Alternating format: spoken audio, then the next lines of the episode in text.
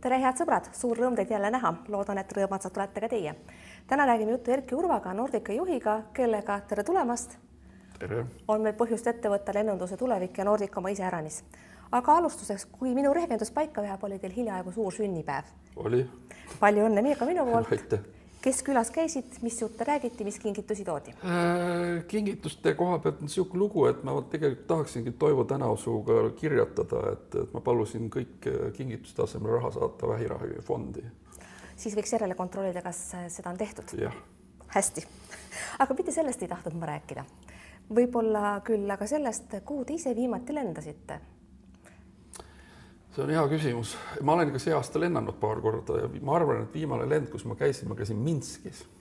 millal see oli, kas see oli siis neil päevis, kui see Minski lend oli praktiliselt ainus, kus, mis ei, ei olnud, see oli ikka enne kriisi algust, et ma tõesti ei mäleta isegi täpset kuupäeva, aga meil oli üks kaubandus-tööstuskoja delegatsioon oli, äridelegatsioon oli, siis ma käisin Minskis.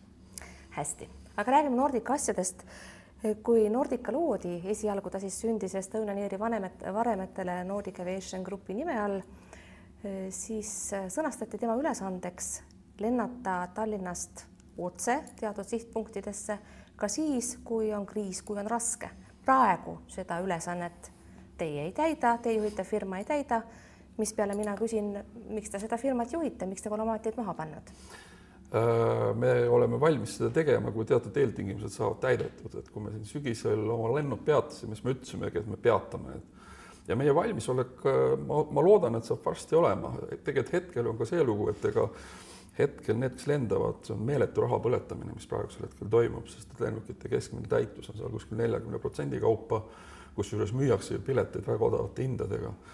aga miks ma seda ettevõtet juhin, siis, äh, siis äh, Tallinnast lendamine muutus meie jaoks väga marginaalseks tegevuseks juba jupp aega tagasi kui me räägime ettevõtte asutamisest, ma ütleks niimoodi, et Nordic oma missiooni täitis ja missioon oli see, et lennud ei tohtinud peale Estonian Airi kadumist ära lõppeda. sinna me jõuame tagasi, aga praegu on kriis, teie ei lenda, andestage mu, andestage mu häbematust, aga mida te siis teete, kui lendame, lendame, ainult mitte Eestis jah, aga kas pole asja mõte siiski, et te tagaksite otseühendused Tallinnaga? aga kas Eesti riigil on eksporditulu vajalik või mitte? me Nii tegeleme siis... puhtalt, et kui me räägime praegu Nordicast, siis tihtipeale pannaksegi nagu võrdusmärk, ütleme Nordica kaubamärgile, mis oli puhtalt mõeldud tõesti valdavalt Eestis lendamiseks ja kogu meie teise lennutegevuse vahele. enne kriisi algust oli meie grupi lennukipargis kokku kakskümmend neli lennukit ja ainult üks lennuk nendest teenindas tegelikult Nordica nime all äh, reisijate veolende. tõsi, see oli ka üks Rootsi Äh, riigihankeline liin, mille me hanke me võitsime ja me lendasime sealt äh, Stockholmi ja Põhja-Rootsi vahel. no minul on see tegelikult meeles, et Nordica ei lennanud juba enne kriisi, see oli sügisel, novembri lõpus, kui tuli uudis, et Nordica lõpetab lendamise, jäid siis Regional äh, Jeti alt, eks ole, need allhanked SAS-ile ja LOT-ile, et sisuliselt te asusite, kui te asusite tööle, te asusite Nordica juhiks eelmise aasta septembris, siis tegelikult te juba teadsite, et te asute sisuliselt mitte tegutseva haldusfirma juhiks kas ma saan õigesti asjadest no, aru? päris nii siiski ei ole, sest et tegelikult no kohe lendamine ikkagi... lõppes ju ära siit Tallinnast. ei, seda küll, et Tallinna lennud lõppesid ära, aga samal ajal äh, me hakkasimegi välja töötama uut kommertsstrateegiat, et kuidas nagu tegelikult täie jälle noh, genereerida mingit tulu kuskilt. ja, ja selleks me olemegi osalenud väga erinevatel hangetel, näiteks praegu siiamaani on lõpuni viimata ka Saaremaa hange, kus me osalesime ja kus meil oli päris hea tulemus, aga seal on praegu lõplikud otsused tegemata. no andke andeks, sealt ei tule ju mingit suurt raha see on ju kommiraha, mille te võiksite teenida. no ta ei olegi nii väga kommiraha, sest kui vaadata, kui palju riik on sinna planeerinud siiski raha nagu järgmiseks neljaks-viieks aastaks. ühesõnaga, teie tegite strateegilise plaani, see sai valmis, riik kiitis selle heaks ja siis lõi koroona sisse, kas nii? Äh, päris mitte nii, aga, aga, aga, aga üldiselt küll, et noh, riigi poolt oli antud meile nagu teatud ülesanded ja meil oli kohe, ma olen, nii kui ma sinna ametisse asusin, ma tahtsin kohe loomulikult teada, missugused on nägemused meie nõukogul ja ja meie ainuomanikul ehk Eesti riigil ja põhiliselt anti kaks põhilist ülesannet, et me peame olema valmis lendamise alustamiseks, kui vajadus on. meil peab selleks olema kommertsplatvorm, omaenda iseseisev, mitte nagu ainult loti oma, mida me siiamaani kasutame.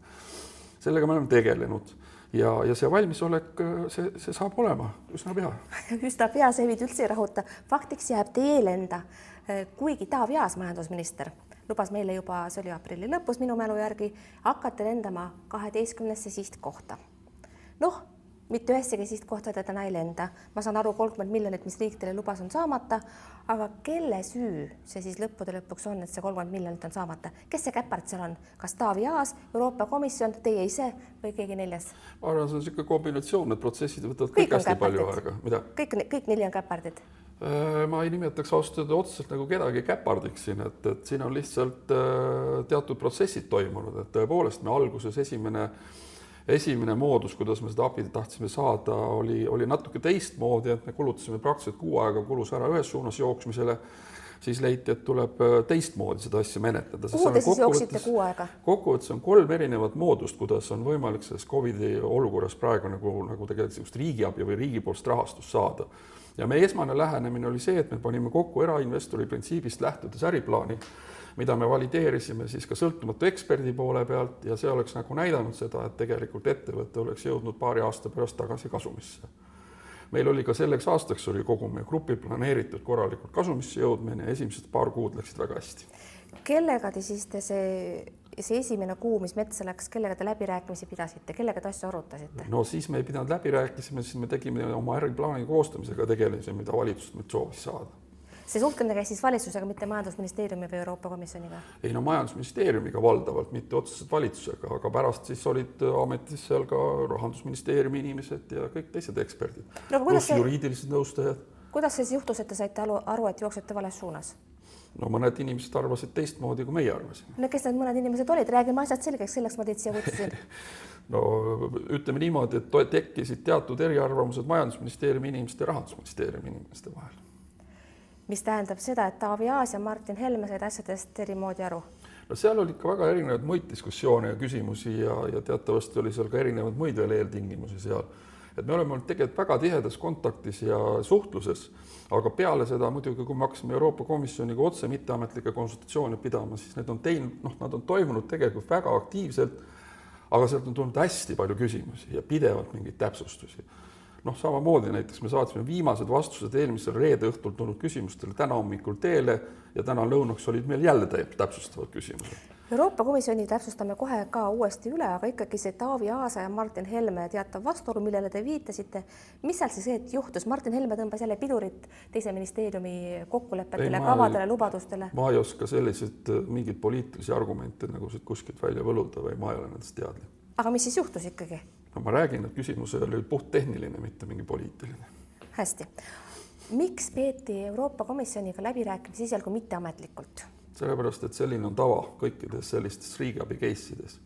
kõigepealt peetaksegi mitteametlikud konsultatsioonid, kui selgitatakse asi ära, siis antakse riigile piltlikult öeldes roheline tuli, et esitage nüüd elektroonilisel teel oma ametlik avaldus ja siis seda menetleb komisjon ja teeb oma otsuse.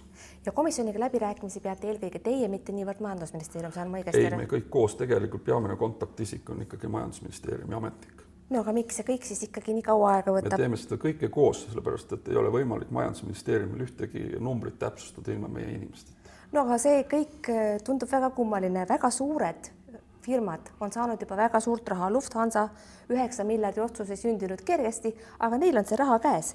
Air Baltic lätlaste firma sai kakssada viiskümmend miljonit riigi abi, ei käinud kah kergesti, aga nendel on korras, nad lendavad muuhulgas isegi Tallinnast. suurepärane. aga teie pole kätte saanud ei raha ja ei lenda ka. miks te siis, miks, kes on see, kes ei oska asju ajada?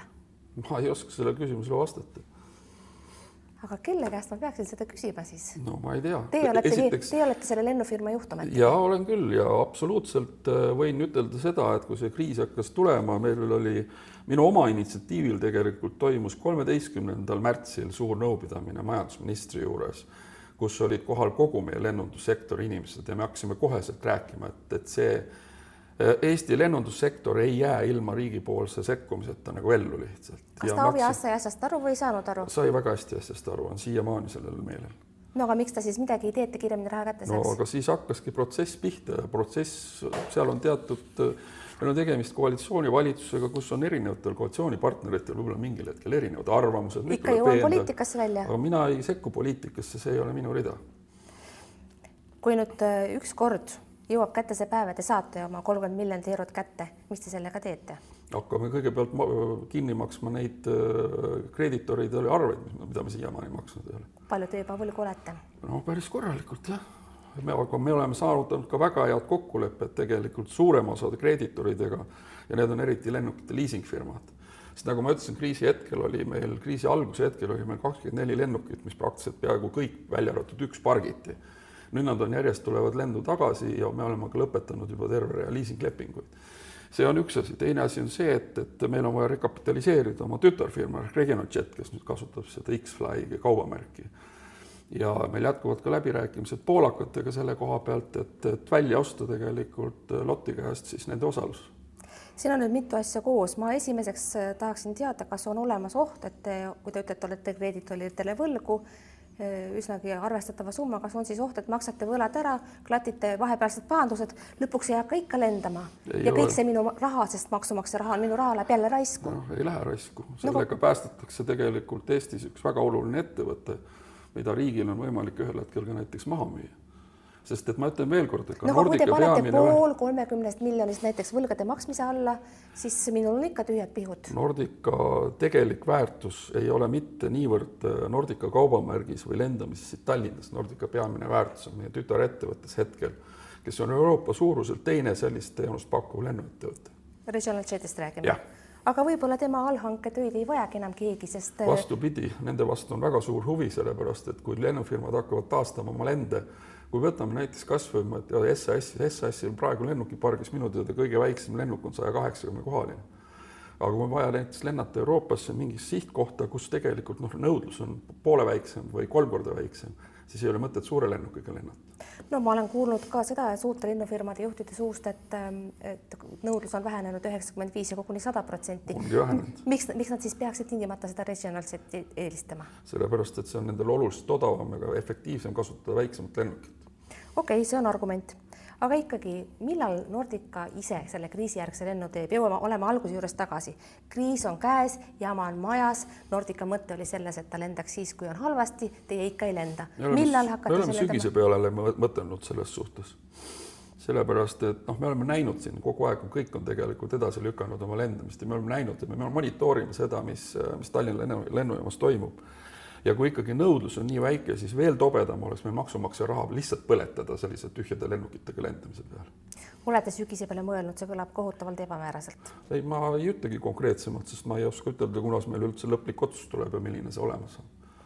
muide, Martin Kauss Air äh, Balticu juht on öelnud, et tema oma palka seni ei võta, kuni koroonajärgne pahandus ja kriis pole mööda saanud. kas teie üheksa tuhat kaheksasada eurot la laekub kontole endiselt järjekindlalt või olete ka teie oma palgast loobunud? kuueteistkümnendal märtsil tegime kogu äh, juhtkonnaga otsuse vabatahtlikult vähendada palka kakskümmend viis protsenti. tõsi küll, teistel inimestel pärast, kes olid töölepingulisel ja kui tulid need riigi abimeetmed, siis, siis nende reaalne nagu langus jäi kümne protsendi peale ettevõttele oli see küll muidugi oluline kokkuhoid. kui kaua teie isiklik veerandi võrra palgalangus kehtib? see sõltub meie nõukogust. Teil endal siin sõnaõigust pole? kindlasti on. hästi. räägime veel teie enda rollist Nordica juhina. Mm, kui Gunnar Kobin pidi saama lennufirma juhiks, siis tema palk oleks olnud ligemale kaks korda suurem kui teil ja ta loobus sellest viimasel hetkel, avalikkus sai sellest teada mäletatavasti kuueajalise viitega, mis tegelikult lennufirma kohta on noh, ütleme suhteliselt pretsedenditu käitumine.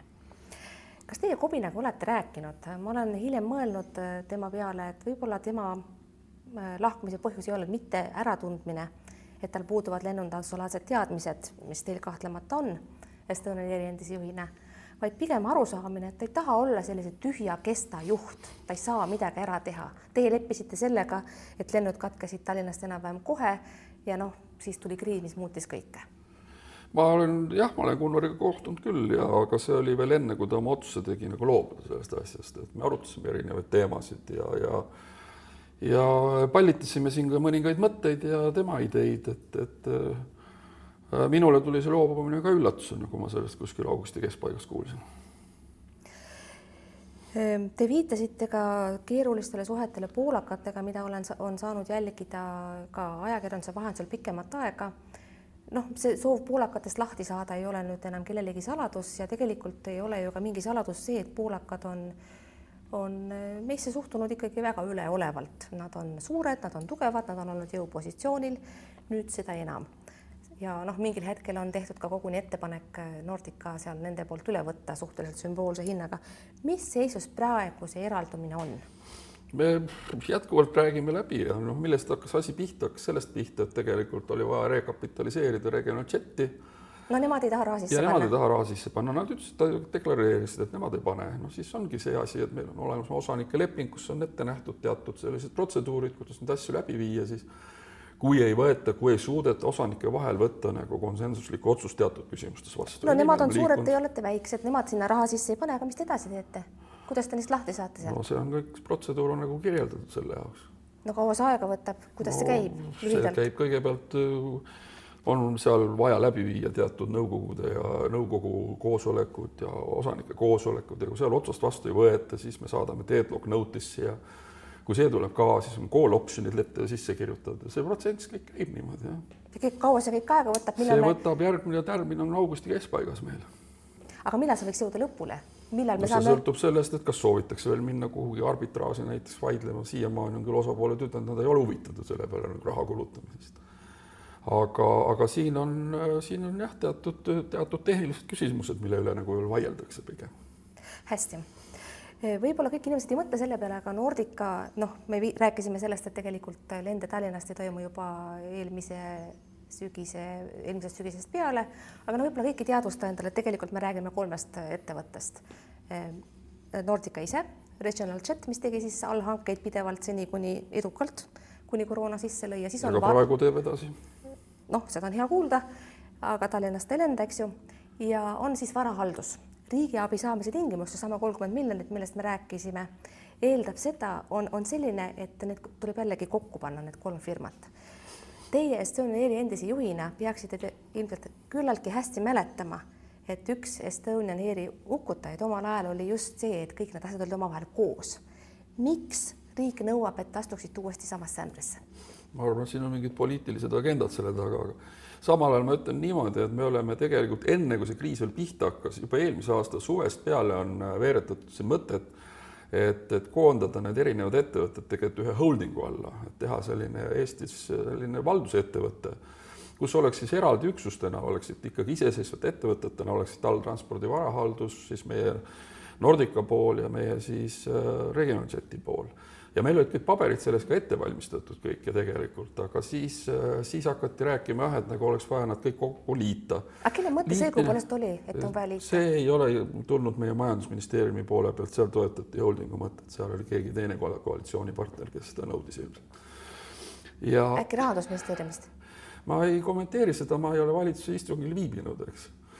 seda tuleb küsida siis äh, ametnike käest aga, aga seda ei ole praegusel hetkel võimalik äh, puhtfüüsiliselt teha, esiteks on äh, teema niikaua, kuni lotist pole välja saadud, ei ole võimalik liita seda, sest seal seal, seal tekivad väga suured probleemid. Ja teine asi on see, et, et äh, transpordi varahaldus on finantseerinud lennukite ostu ju Eesti noh, võlakirjadega, mis on siis Eesti finantsasutuste äh, poolt ostetud või soetatud ja nende tingimused ei luba niisugust asja, sest ükski lennu, ükski pank või, või äh, finantsasutus ei ole valmis tegelikult otseselt kommertsalustel andma lennufirmale laen praegusel hetkel.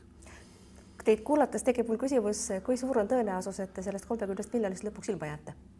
ma arvan, tähendab, lähtudes nendest diskussioonidest, mis meil praegu on, vähemalt kui see on komisjoni otsuse taga, siis seal on nagu rohkem niisugused tehnilised küsimused, mille üle me vastleme ja vaidleme ma ei ole nagu tunnetanud kordagi seda, et, et oleks mingisugune vastumeelsus selle raha andmise suunas. et siiamaani ei ole komisjon teinud ka mitte ühtegi negatiivset otsust selle koha peal arusaadav ja väga suured lennufirmad on saanud äh, toetada su suuri, on saanud suuri rahasid. Äh, teid kuulates ma mõtlen aegade peale, mil te olite Estonian Airi juht, see oli aastani siis kaks tuhat viis mil te pidite sealt lahkuma, mitte küll omal soovil, aga las see praegu olla, kuid see oli aeg, mil Estonian Air oli kasumis. Ja kaks tuhat viis oli üldsegi viimane aasta, kui me kasumist saime rääkida. mis on ikkagi teie motivatsioon eh, võtta vastu see nii-öelda teine katse, kui te, kui te saite seda rahvuslikku lennukompaniid juhtida aegadel, mil tal läks hästi, praegu te sisuliselt juhite tühja kesta ei ole tühja kestaga kindlasti tegemist ja teine asi on ka see, et, et ausalt öelda ma olen juba kolmandat tiiru lennunduses tagasi, ma pean mainima ka seda, et aastast kaks tuhat kaksteist kuni kaks tuhat viisteist kuulusin ma ka Estonian Airi nõukogusse. mäletan. et aga te ei olnud tegevjuht? väga isiklikult võib ütelda seda, et, et lennundus on olnud minu eluvaldkond igal juhul, et isegi siis enne seda, kui ma lennundusega liitusin, töötades turismivaldkonnas erinevates ettevõtetes, olen ma kogu aeg olnud väga suur nagu lennunduse huviline. et äh, jah, nagu keegi siin ajakirjanduses ka kirjutas, et, et näete, et nüüd ongi, et kogenud tippjuhi asemel palgati siis äh, äh, visioonita lennundusfänn, eks no see ei ole tõsi, sest äh, nagu ma viitasin, tõepoolest teie ajal oli ettevõte kasumis, olete ja. hiljem kuulunud ka nõukogu, nõukogu liikmete hulka ja ja teie kogemuses ei kahtle keegi, minu mõte lähtus pigem sellest, mis võiks olla teie ambitsioon, teie võimalused lihtsalt on väga palju rohkem piiratud. elu iseenesest kinkis teile teise võimaluse, mõni mees, kes on kunagi saanud Estonian Airi juhtida, peab elu lõpuni kirjutama oma CV-sse või oma arvamusartiklite taha, tegemist on Estonian Airi endise juhiga. Teie olete saanud reaalse võimaluse lihtsalt väga-väga palju kitsamates tingimustes. no kogu aeg tegelikult äri muutub ja, ja no hakata võrdlema seda, et kus olid Estonian Airi kasumiaastad, siis oli ikka olukord totaalselt teine tegelikult turul ja noh, iga, iga poole pealt. aga, aga, aga miks või noh, mina arvan, et äh, minule tegelikult meeldib väga see mudel, ärimudel, millega tegelikult Nordica omal ajal alustati.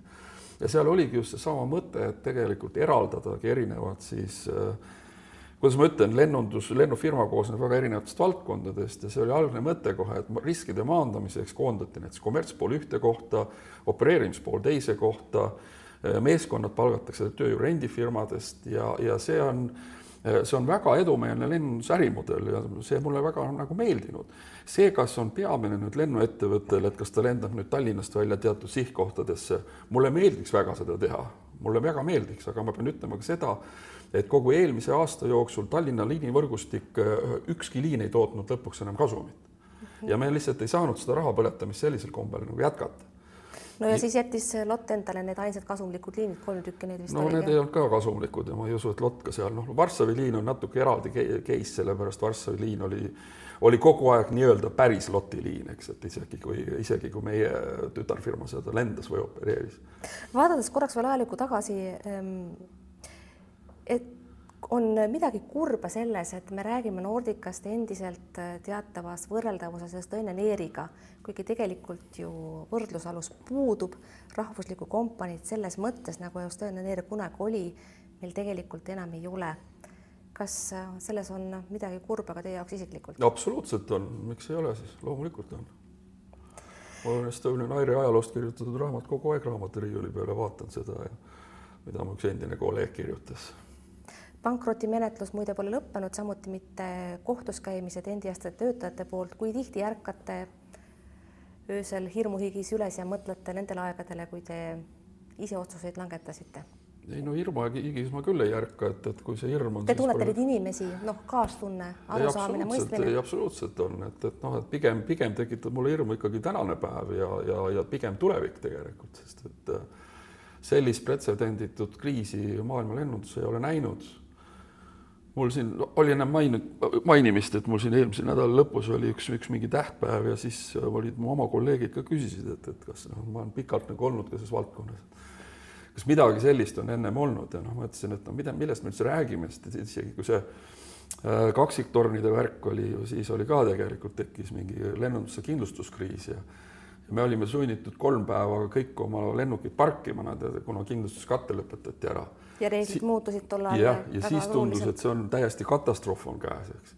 nüüd me räägime kolmest-kuust parkimisest ja mitte neljast lennukist, vaid kahekümne neljast lennukist. Erki Urva, hästi lühidalt, millal muutub kõik jälle normaalseks, millal me saame lennata nagu tahame? ma arvan, et see võib juhtuda siis, kui ikkagi nagu meditsiin ja teadus appi tulevad, et kui on ikka tegelikult äh, tekivad vaktsiinid, inimesi vaktsineeritakse, äh, selline massiline haigestumine lõpeb niikaua, kuni see, see jätkub, ma ei, ma ei kujuta ette, et kuidas on võimalik normaalsuse taastamiseks. aga selle aja peale ma olen ka päris kindel, et ei suuda riigid ka tegelikult lõppkokkuvõttes kogu seda lennundussektorit tegelikult kinni maksta ja ja noh, me teame juba, et siin on pankrotistunud ettevõtteid küll on selles protsessis ja tuleb neid kindlasti päris palju juurde. Erki Urva, tänan teid südamest stuudiosse tulemast, aitäh sõbrad, et vaatasite, jääme kuulmiseni, nägemiseni. aitäh. tänan